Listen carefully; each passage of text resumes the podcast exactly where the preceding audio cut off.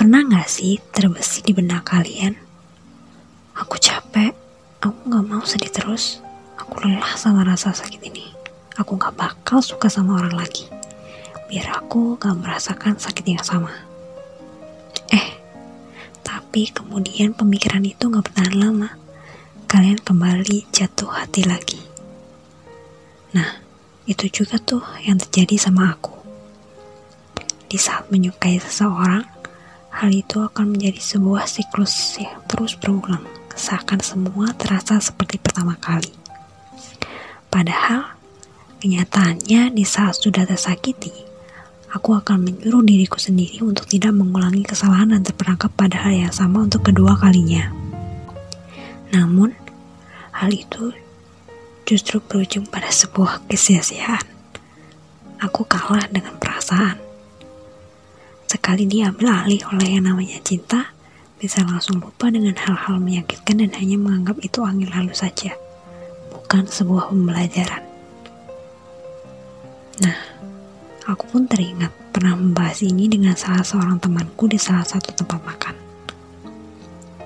Dia berkata, Ajaib ya, aku nggak nyangka bakal merasa kayak gini lagi. Padahal bayangin rasa sakit yang pernah aku alami sebelumnya tuh kayak aku tuh kapok dan gak bakal lagi deh segampang itu suka sama seseorang.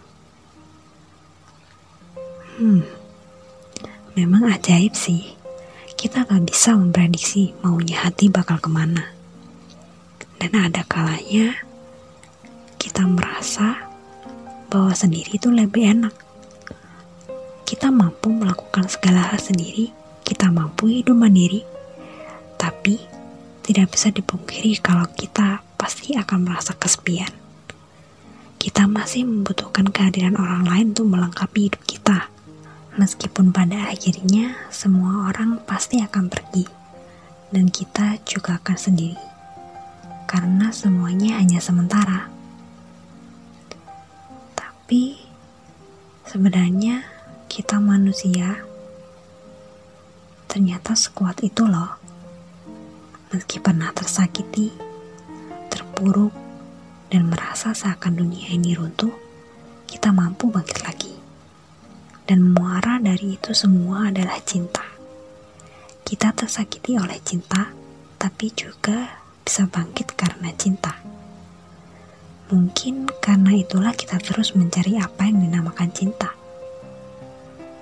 Ya, tapi kita juga jangan terlalu memikirkan itu sih.